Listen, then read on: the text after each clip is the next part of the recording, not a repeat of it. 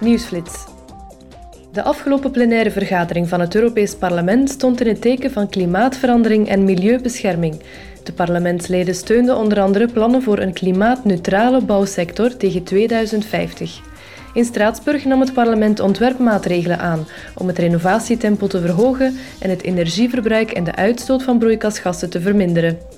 Alle nieuwe gebouwen moeten vanaf 2028 emissievrij zijn en alle woongebouwen moeten tegen 2033 minstens energieklasse D bereiken op een schaal van A tot G. Nationale renovatieplannen moeten steunregelingen omvatten om de toegang tot subsidies en financiering te vergemakkelijken. De parlementsleden zullen nu met de Raad onderhandelen over het definitieve wetsvoorstel.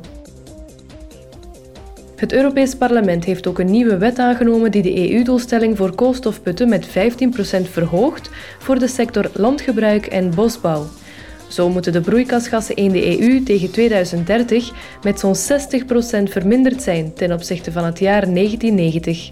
De tekst, die door de Raad moet worden goedgekeurd, omvat nationale bindende streefcijfers voor 2030 voor alle EU-landen. Tijdens de plenaire vergadering bespraken de parlementsleden het Europese burgerinitiatief Red de bijen en de boeren.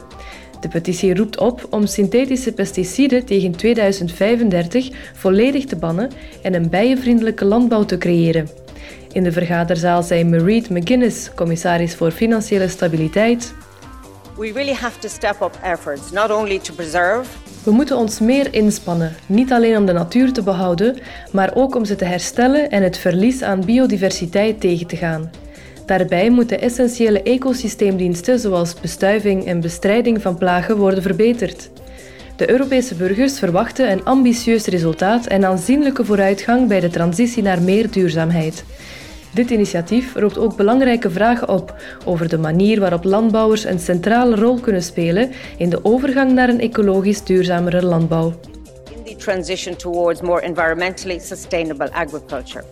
De petitie, die meer dan een miljoen mensen hebben ondertekend, toont ook aan dat het Europees Burgerinitiatief zeer agendabepalend kan zijn.